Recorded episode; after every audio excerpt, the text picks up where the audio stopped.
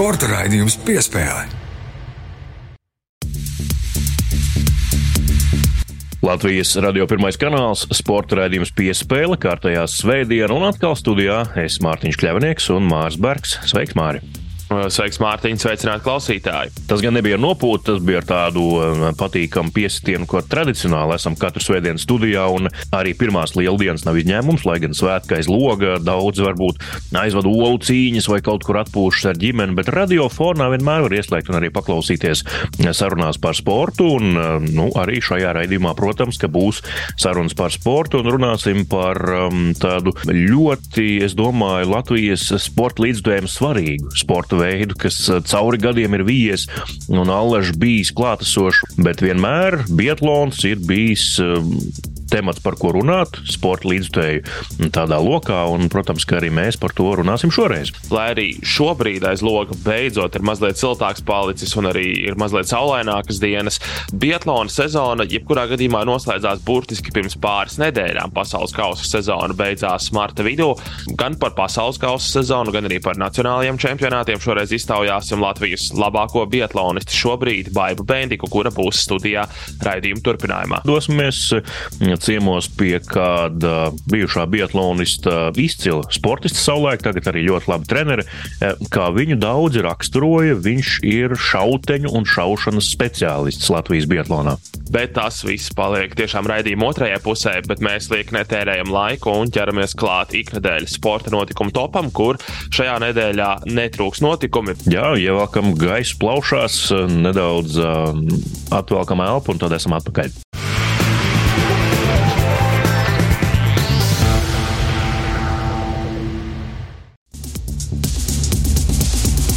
Latvijas radio pirmā kanāla sporta raidījums piespēle. Mārtiņš Kļavnieks un Mārs Bergs studijā un sākam iknedēļas topu un sākam ar to, ka virs galvām ir celts iespējams smagākais hokeja kauss pasaulē. Jā, esmu pacelājis Latvijas hokeja virslīgas kausu nedaudz pamēģinājis tiešām smags un tāds maktens gruntīgs. Nu, un par tā ieguvēju otro gadu pēc kārtas. Šonadēļ kļuva Zemgala LLU hokeja komanda. Nu, loģisks iznākums, mēs to prognozējām jau aptuveni pirms mēneša, ka tieši tā arī būs. Un tā arī ir noticis. Mogo LSPA finālā tika pārspēta ar 4-1 sērijā. Sērija galu galā nelika vilties. Jā, 4-1 varbūt beidzās ātrāk nekā gribētos, taču tīri tādā hokeja izpildījumā pārliecinoši labākais hokejs, kas Latvijas čempionātā šosezon ir demonstrēts. Protams, ka loģiski loģisks ir jautājums, kāda varētu izskatīties nākamā sezona, ja šajā principā bija tikai caurvijus visai sezonai divas konkurētspējīgas komandas, kas bija Zemgala un Mogo. Kāds būs čempionāts nākamajā sezonā, to jautāja arī čempionam Artim Ābolam, eh, komandas galvenajam trenerim, un eh, viņš teica, ka Zemgalai nebūtu interesanti spēlēt Latvijas čempionāta regulāro sezonu, ja tituls būtu jāaizstāv tādā pat mm, dalībnieku sastāvā, kāds tas bija jau šajā sezonā, tad viņiem ir interesanti spēlēt regulāro sezonu Mestis līgā ar galvenajiem spēlētājiem spēkiem un vispār neiesaistīt galvenos spēkus Latvijas čempionātā. Nu, droši vien spēlējot ar tiem pašiem jauniešiem, kā tas jau notika sezonas otrajā pusē, runā jau, ka gan Kurbats, gan Liepāja varētu atgriezties Latvijas čempionātā nākamā sezonā. Tas būtu ārkārtīgi svētīgi, ja šīs abas, abas komandas atgrieztos Latvijas čempionātā un atgrieztos ar konkurētspējīgiem sastāviem. Nu, šobrīd izskatījās diezgan, diezgan pliekani, un man ir jāpiekrīt tam, ko Arts Sābols saka. Nu, kāda jēga viņiem spēlēt tādas spēles, kur viņi katrā spēlē met pa 7, 8, 9 mazajām ripām. Kāds būs zemgājas modelis galu galā nākamajā sezonā, tas arī ir tāds interesants jautājums. Kā viņi koncentrēsies, kur beig beigās tiks salikti uzsvari. Daži, protams, jau piemēram ir nospēlējuši vienu pārbaudas spēli Latvijas eh, hokeja izlases rindās no zemgājas hokeistiem. Bet... Eh, Viens arī no viņiem ir nostājis sausā pārbaudas jā. spēlē. Mēs par Eriku Vītolu šeit runājam. Jā, uzreiz, praktiski divas vai trīs dienas vēlāk, jau vārtos Latvijas izlases sastāvā pret polijas izlases un pārbaudas spēlē paliek uz nulītes. Jā, tas eh, pozitīvs, eh, protams, rādītājs, un tāpēc eh, loģiski, ka mēs to jau dodamies arī uz to nākamo pieturu vietu, kas arī būs stāsts par Latvijas hokeja izlases pirmajām divām pārbaudas spēlēm šajā pavasarī.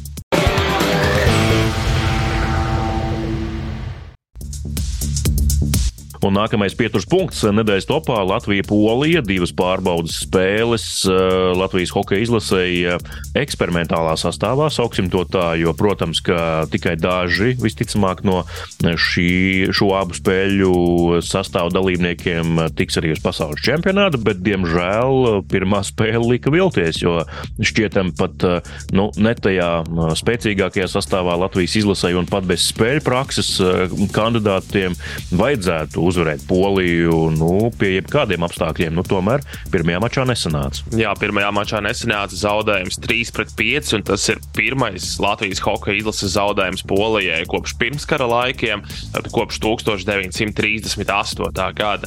Otrajā spēlē izdevās revanšēties 2-0. Jā, eksperimentāls sastāvs tam ir jāpiekrīt, un droši vien nevajadzētu pārāk lielu drāmu no tā visa taisīt. Vēl apmēram mēnesis līdz īstajām spēlēm, kad pasaules čempionātā būs jāspēlē, tā kā nav tur par ko satraukties.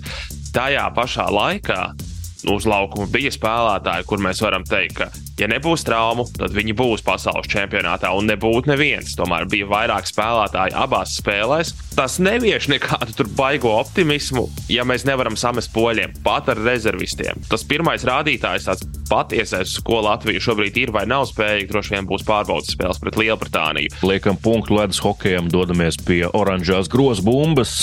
Tur Mārtiņa būs daudz tuliņu, ko stāstīt.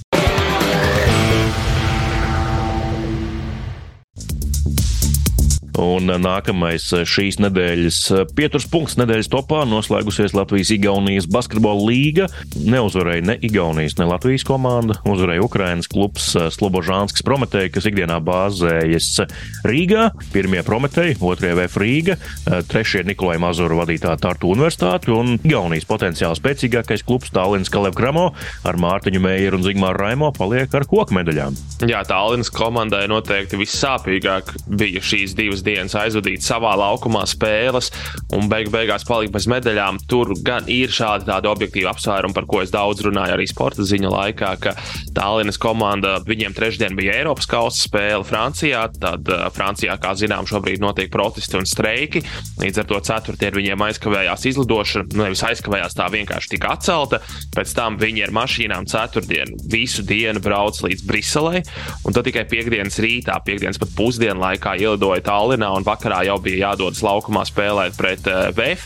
Par Prometēju arī spēlē viņi ar pilnu spēku, bet nepilnā sastāvā. Daudz, daudz traumu, bet tik un tā meistarību šie spēlētāji parādīja, kāpēc viņi spēlē tur, kur viņi spēlē, kāpēc viņi ir viena no favorītiem Eiropā. Tu biji Tallinā abas dienas, gan piekdienu, gan arī vakar, kā šis turnīrs bija norganizēts, jo televīzijas ekrānā, ko arī Latvijas Basketbola Savienības prezidents Raimons Vējons uzsvēra intervijā Latvijas televīzijai, tribīnes, nu, ja ne tukšas, tad ārkārtīgi nepieciešamas piepildīts, kā ar, kā saka, žurnālistu apčubināšanu un, un visa vajadzīgā nodrošināšanu un uh, līdz pat pārējām detaļām. Nu, kas attiecas uz mūsu mediju darbu, tad ir bijis labāk. Uh, viss, kas bija tas pats, pats minimums un pats galvenais, kas ir vajadzīgs, tas jau bija. Bet, uh, kā tu minēji, tad par tribīnēm man tiešām bija skumji skatīties. Jo aizpildīti bija tikai arēnas apakšējie stāvi, un arī nebūtu nepilnībā. Nu, praktiski tā tad gar laukuma malām bija aizpildīts. Intereses maz, pašā pilsētā arī īsti nekādas reklāmas es nepamanīju. Tālinā, cik nu es tur izbraucu cauri, diezgan bēdīgi. Tā kā kaut kā kāda ierindas sēdes mači notiktu. Nekas tāds. Tā labā ziņa, ka basketbols nebeidzas. Vēl jānoskaidro Latvijas čempioni, un tur jau ceturtajā finālā ir sākušies, eh, kur komandas spēlē. Un, protams, ka eh, VF un Ventspils gaida arī savus pretiniekus eh, pusfinālā. Ceturtajā finālā Latvijas basketbola līgā notiek līdz vienas komandas trim uzvarām. Bet mēs pie basketbola pagaidām paliekam, bet iepeldam plašākos ūdeņos un tuliņ jau dosimies pie Nacionālās basketbola asociācijas.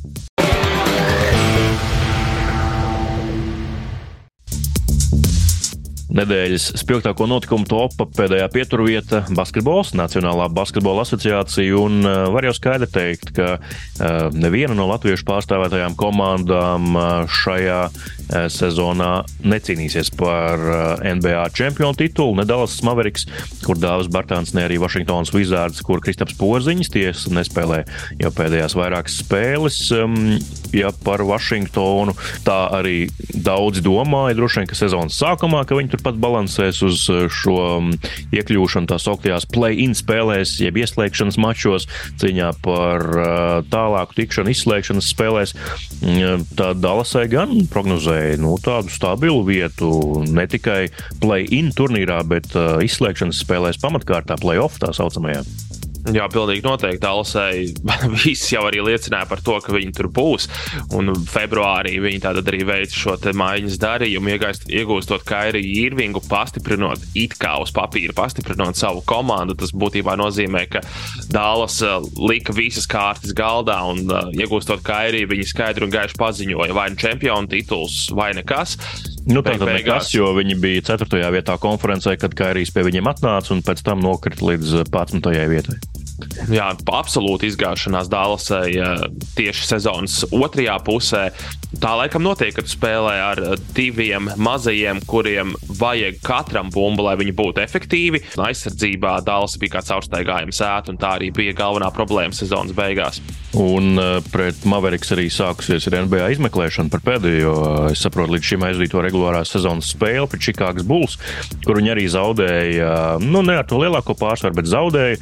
Luka Dončičs spēlēja 13 minūtes, un arī droši vien tikai tāpēc, ka tā bija tā saucamā Slovenijas godināšanas spēle, jeb Slovenijas spēle. Pārējie visi līderi bija malā. Tas skaidrs ar kādu domu palikt turpat zemu, lai savukārt draftā mēģinātu dabūt kaut ko pēc iespējas labāku. Un, nu, par šo atklāto zaudēšanu arī pret viņiem tiek vērsta NBA izmeklēšana. Mārtiņ, kā tev šķiet, Dāvis Bārtāns būs viens no upuriem eh, sezonas beigās un eh, starpsezonā, kad Dallasai būs jāmeklē vainīgie un jāmeklē arī pastiprinājumi? Es pat gribētu, lai viņš ir, lai viņš eh, aiziet uz kādu tādu, nu, ja ne konkurētspējīgāku, tad varbūt atmosfēras ziņā tādu vieglāku un, un tādu, nu, brīvāku komandu, lai tas ir kaut vai apakšgals, kaut vai Šarlotas komanda vienalga, bet tomēr kaut kas cits, lai viņš pamaina šo vidi, bet mums ātri ir jāpieskatās pieskars uh, Kristapam Porziņam, kurš, starp citu, mm, uh, nu, joprojām sezonu turpinās, tāpēc jāsaka, tagadnē aizvada savu labāko sezonu uh, NBA karjerā. Nu, komandiem žēl netika izslēgšanas spēlēs, bet Kristaps savus akcijas noteikti pacēla. Mēs jau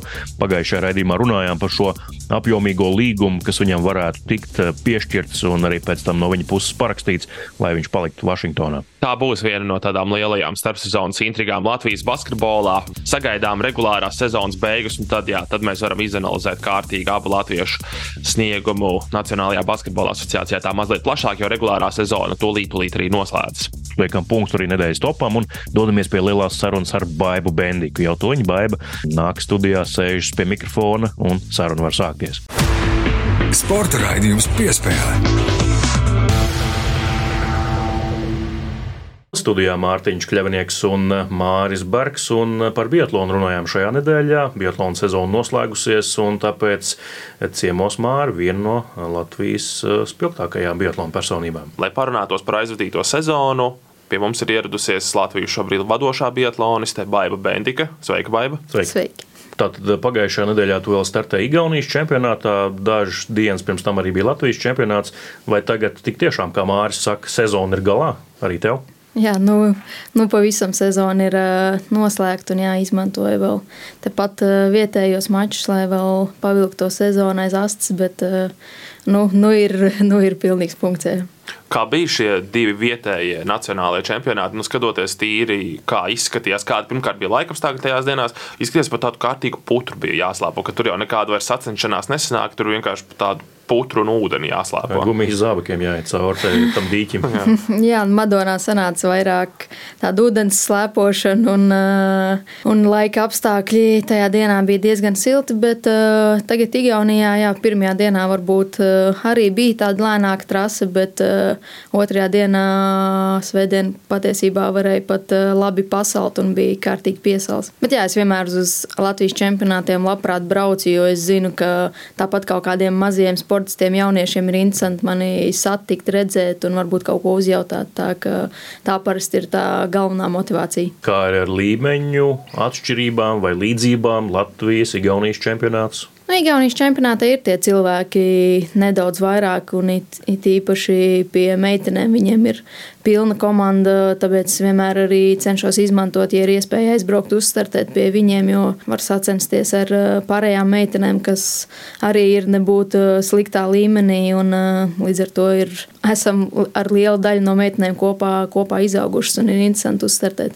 Tad atkal tas eh, senais stāsts māri, kas ekonomiku caurvīja, kas ikdienas caurvīja, kā pie Igauniem viss ir labāk. Izrādās, ka arī Bietlāna līmenis dāmām tur ir konkurētspējīgāks. Bet nu, gan jau arī mēs, kā saka, iedzīsim tāpat kā ekonomikā, gan jau arī, arī Bietlānā. Bet uh, pēc sezonas, nu, cik es ar tevi esmu runājis, vienmēr tu saki, ka tu pēc sezonas brauc atslēpoties kalnos. Kāds šogad plāns? Jā, šogad uh, arī braukšu atslēpoties pēc uh, lieldienām, bet šogad ir plāns jā, pārmaiņas pēc aizbraukt uz uh, Norvēģijas kalniem un paslēpot tur. Tur bija ļoti laba ziema, tā ka varētu būt ļoti forši pēc sezonas nedaudz atpūšos, tad uh, atslēpojos un tad vēlreiz atpūšos. Cik daudz kilometru sanāk noslēpot? Minēju, paslēpot garos gabalus, tātad plāns ir daudz noslēpot. Plāns varbūt atslēpojoties, viņš nav tik strikts un uh, pēc sajūtām uh, sākot no 40 līdz pat 90 km. Tā, tas ir tas dienā vai tas ir kaut kādā vienā, vienā treniņā? Vienā treniņā, jā, tur. Par tavu sezonu individuāli aizvadīto, nu, mēs ar Mārti tā spriedām, laikam tāds vienīgais īstenais prieka brīdis eh, bija sezonas noslēgumā, kad jūs ar Andreju jaukto pāri stafetē izcīnījāt bronzu. Nu, ilgi Latvija gaidīja, kad jūsu tandēms kaut ko lielu paveiks. Beidzot tas notika, bet tev personīgi laikam ne tā uh, sezona, kur paliks ar tām labākajām atmiņām. Ja? sarežģīta sezona, un ne, nevienā brīdī neizdevās tā pa simt procentiem ieskrieties un aizķerties tur, kur uh, gribējās. Lai arī sezonas sākums uh, bija salīdzinoši labs un stabils, un uh, vietas būtu gribējies kādā brīdī vēl augstāks. Tā kā nesanāca noteikti sezona tik labi, kā gribētos.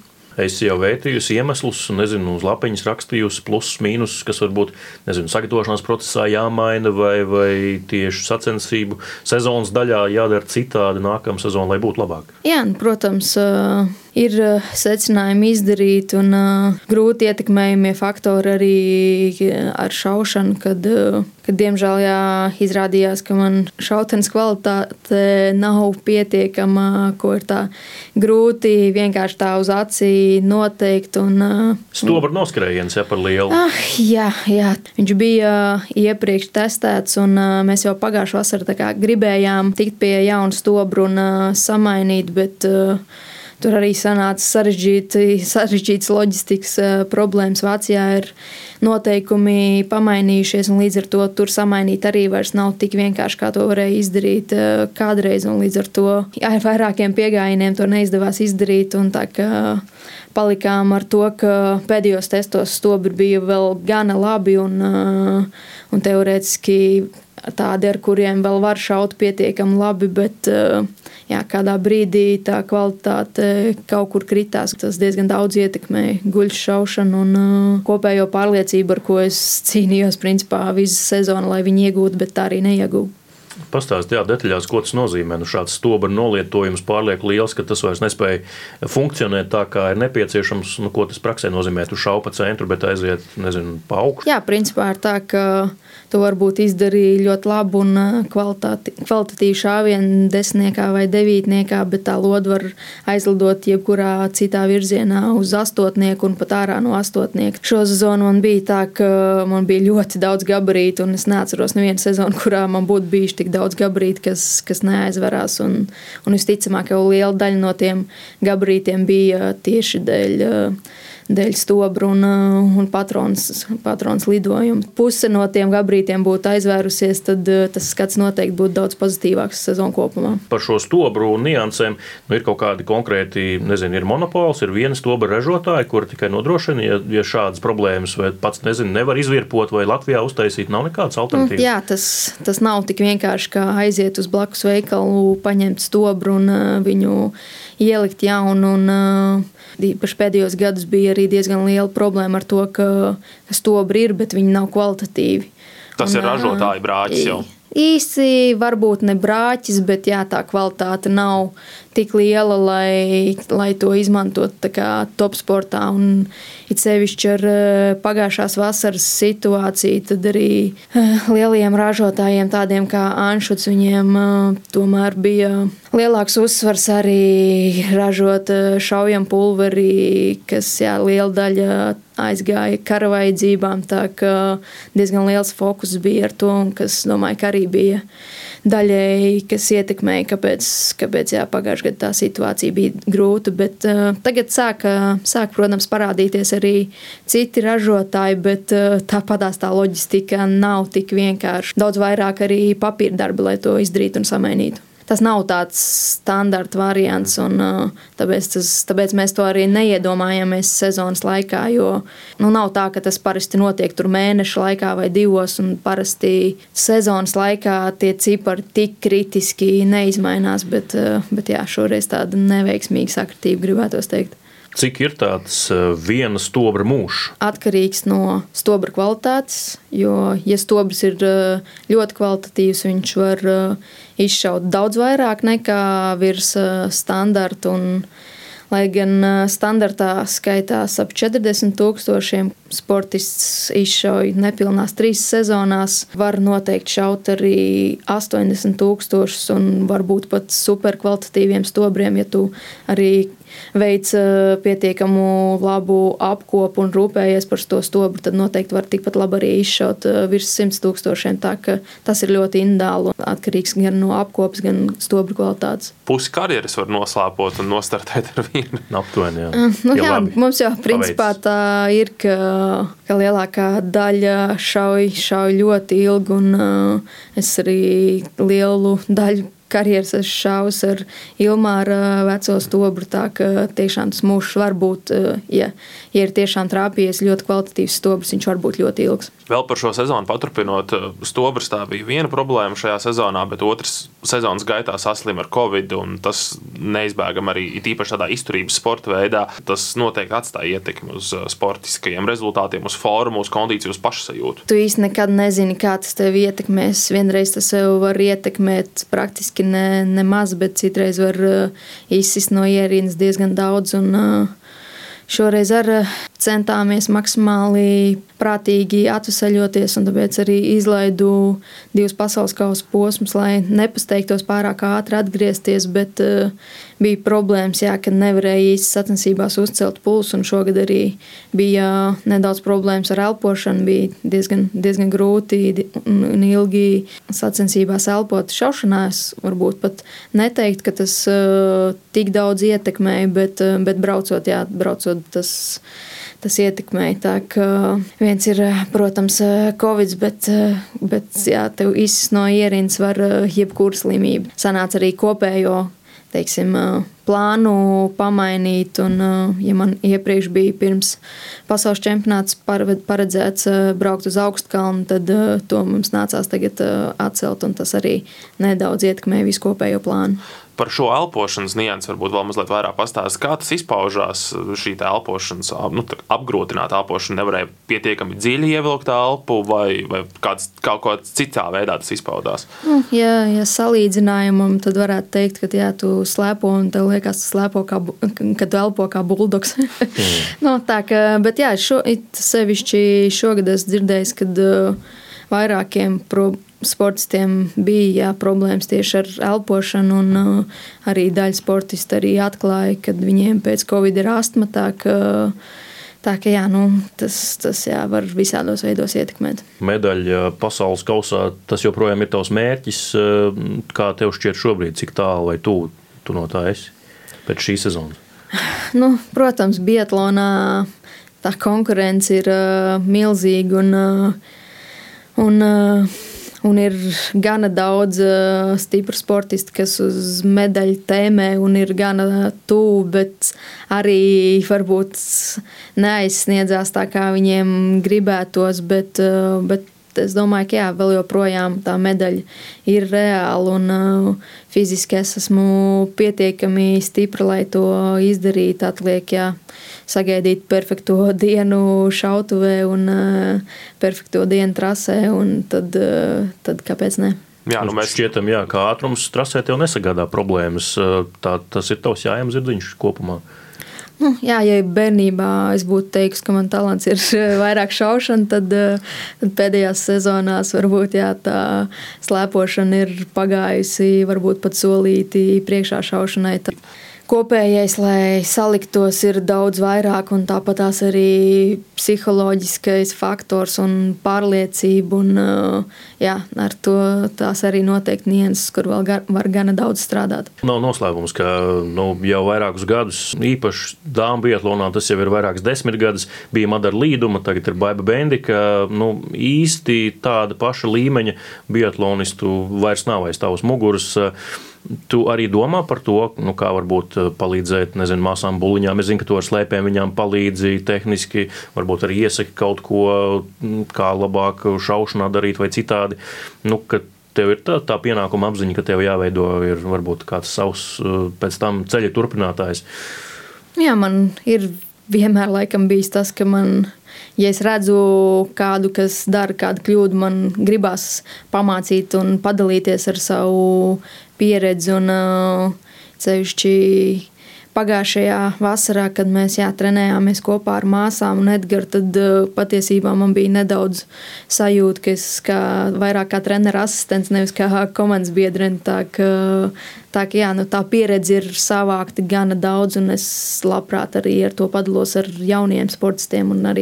Tāpat tās uz vietas cēsīs arī ir varbūt vēl, vēl sporta skolas eh, jaunieši, kuriem mēs arī, ja, ja kāds paprasa, mēs nekad eh, neliedzam padomu. Tā ka, tā ka jā, cenšos, protams, arī dot arī atpakaļ eh, kaut ko jauniem sportistiem no savām zināšanām. Kā ir viņas pašas nāk un jautā, baiva, kā tu dari to lietu, vai kā tu dari šo lietu, vai drīzāk tu vienkārši savu pieredzi un zināšanām redzi, ka šādi nevajag, labāk dariet tā.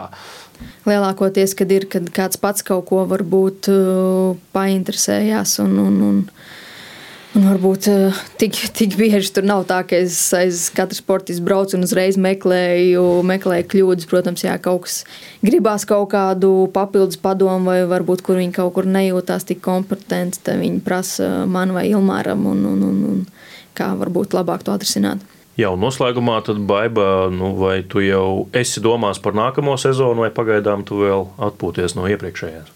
Nu, principā jau jā, esmu, esmu domās par nākamo sezonu. Ir kaut kādi jau mazie plāniņi jau salikt un šaut. Ir jau aktīvi jau strādāju, lai sagatavot simtprocentīgi šauteni nākamajai sezonai. Ir kaut kādas detaļas, kuras ir jāatjauno. Tāpat tās aprīlī braukšu nocistēt jaunos stobrus, pastīties, jā, cik, cik viņi ir kvalitatīvi un vai ir iespēja atrast pietiekami, pietiekami labas patronas ar, ar šiem stobriem. Tā ka, tā ka jā, ja fiziski varbūt eh, tagad beidzot ir kaut kāds tāds atpūtas posms, tad eh, šaušanas ziņā tur darbs tāpat tās paralēli iet uz priekšu un jāizmanto brīvais laiks, lai tur viss sakārtotu. Jā, mēs te ļoti daudz par šautenēm esam runājuši šīs dienas sarunā, bet vēl jau ir otra sadaļa slēpes. Varbūt kādi jauni modeļi jāpatestē, kāds jauns smēris ir jāizmēģina.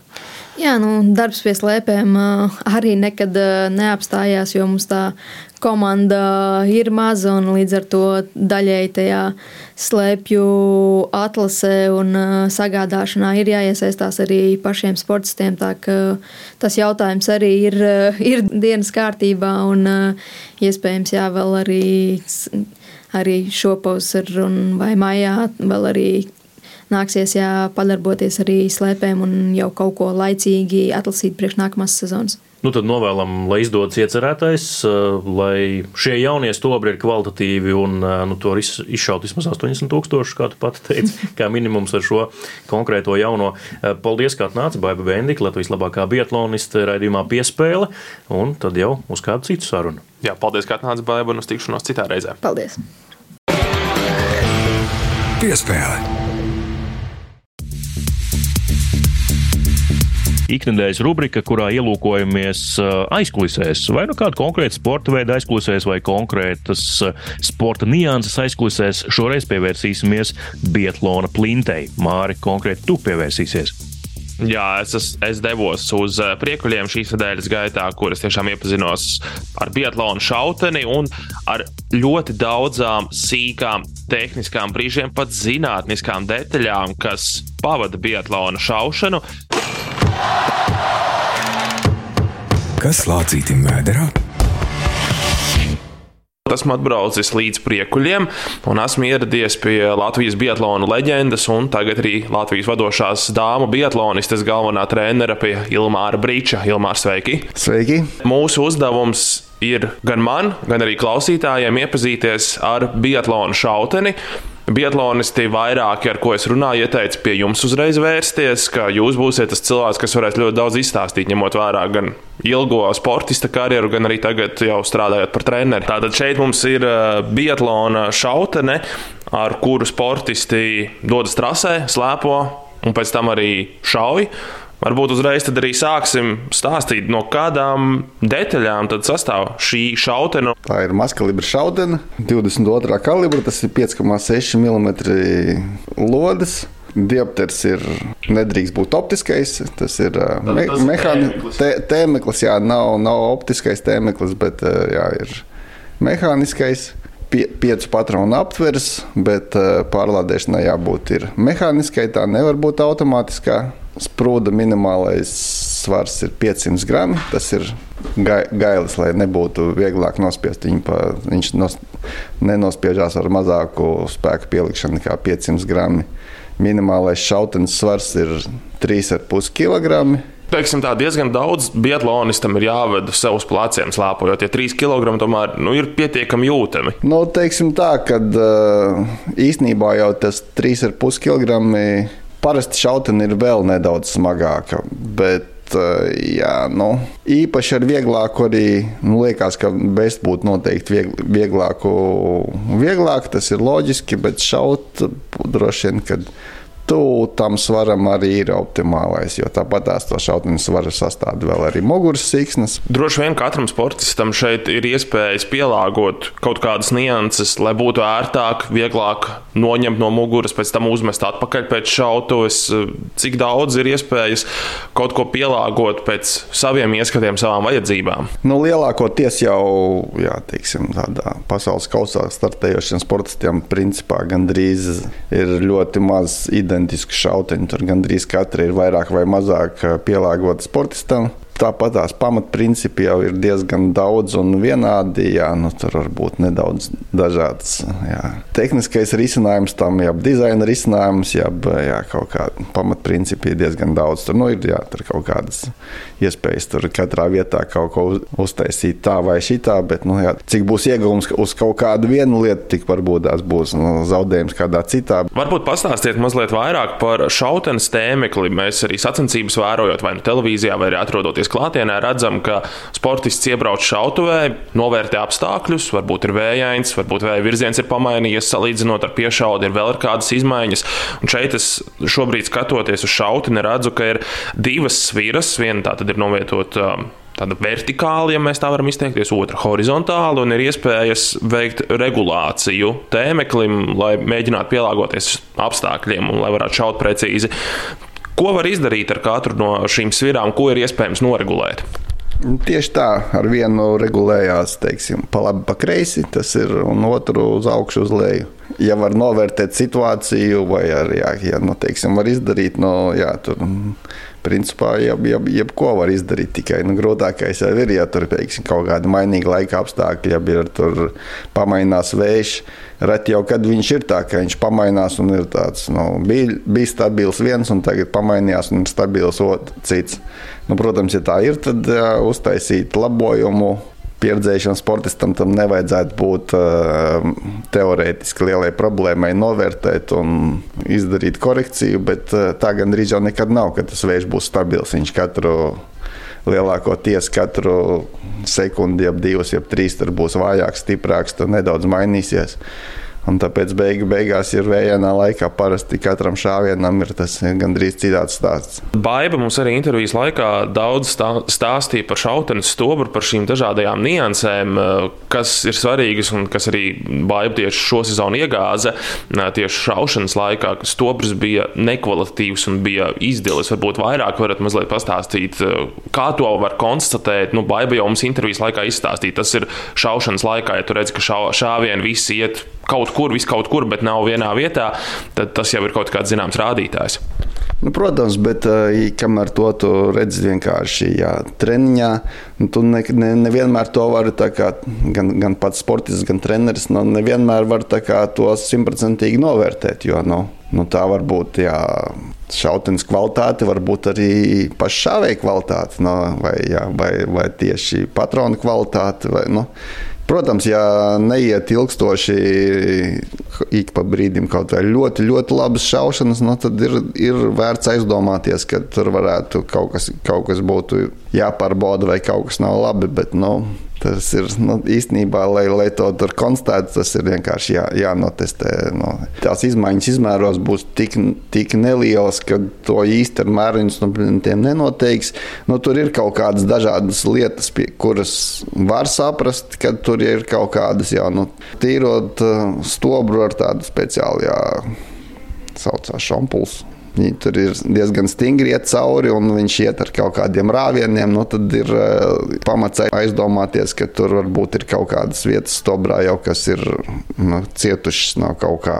Bet nu, pārsvarā ir tas, tas to izdarīt var tikai notestējot, un tas palielam ir tā, ka. Nu, Nu, rupi runājot, eh, lai neiedziļinātos, ja teiksim, iespiež eh, šauteni, nu, nu, pareizāk sakot, viņi ieskrovē tādā mehānismā, kas būtu nu, līdzīgs tā kā laidnē, un tas varētu nosaukt to par lielām, milzīgām skrūspīlēm, kuras ir eh, nu, pilnīgi stacionāras, un, un tālāk no viņas šauj un skatās, kā ir, cik tie šāvieni iet tuvu viens otram. Tā, tā gan var notestēt pašu stobru, un tā arī stobru oktobram piemeklē patronus, jo patronam ar katru sēriju tur pa dažiem mikroniem var atšķirties. Viņa var būt nedaudz lielākas, nedaudz mazākas, un tas arī īsnībā tā arī ir ražots, jo tur no nu, tā kā viens stobrs būs nedaudz vairāk izdils, viens būs nedaudz mazāks. Tāpēc nebūs obligāti, ka būs mums, teiksim, pieci sportisti un visiem ies viena un tā pati sērija. Visticamāk, ka nē.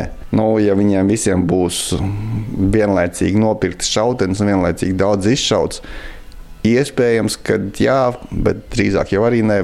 Protams, to visu var neizdarīt un, un paļauties, ka nu, paskatīsimies un tā, nu, teiksim, uz acis atradīsim, bet nu, tas nav labs risinājums, jo tas saka, bieži vien var, nu, un sliktākais, ko tur var izdarīt, ir tieši, tieši tas arī, ir, kad šaušana neies tik perfekti kā labi, un tu sportistam teiksi, vajag tur vēl labāk. Vajag. Nu, ir labi, bet tur, redz, tur, tur pa brīdim kaut kas ir. Tur, Īstenībā tā nav. Nu, tas ir nu, gandrīz sliktākais, nu, ko var izdarīt, ja tu sāc cīnīties ar lietām, kas neeksistē. Nu, tad tu atrodi kaut kādas noteikti citas, un, un trakākais pazaudē pārliecību. Piespēle. Svētdiena, pirmās lieldienas, Latvijas radio pirmais kanāls, sporta raidījums piespēle studijā Mārtiņš Kļavnieks un Mārs Bergs. Tāda lūk saruna ar Ilmāru Brici. Nu, droši vien aiz kadra māra palika tur vēl daudz interesantu detaļu, ko mēs nedzirdējām. Bet, uh, pilnīgi var... noteikti, pilnīgi noteikti. Galu galā man saruna ar Ilmāru tieši ieraksts ir 25 minūtes, dzirdējāt no tām 8. Nu, un mēs ar Ilmāru vēl minūtes 15 parunājāmies jau pie izslēgtiem mikrofoniem vēl par kaut kādām dažām sīkām detaļām. Jā, tā kā nu, tas eh, varbūt kādai citai sarunai, bet mēs liekam punktu arī šim raidījumam. Galu galā arī mums olu kaujas ir aktuāls, jādodas cīkstēties ar eh, ģimenes locekļiem un, eh, un varbūt kādiem tuvākiem draugiem paziņām. Arī jūs dariet tieši tāpat. Paldies, ka noklausījāties šo raidījumu piespēli un tiekamies jau atkal nākamā svētdien, kur atkal jauni temati un jaunas sarunas par sportu. Vēl tikai atgādinām, ka raidījumu piespēle var klausīties ne tikai lineārajā apraidē, bet, protams, raidījumu var meklēt arī Latvijas radio arhīvā un visās populārākajās un labākajās raidierakstu vietnēs. Arī tur, protams, piespēle var atrast, ja kāda iemesla pēc neizdevās dzirdēt raidījumu pilnā garumā, tad, kad tas izskan Latvijas radio viens ēterā. Paldies, ka klausījāties un tiekamies jau pēc nedēļas. Uz tikšanos!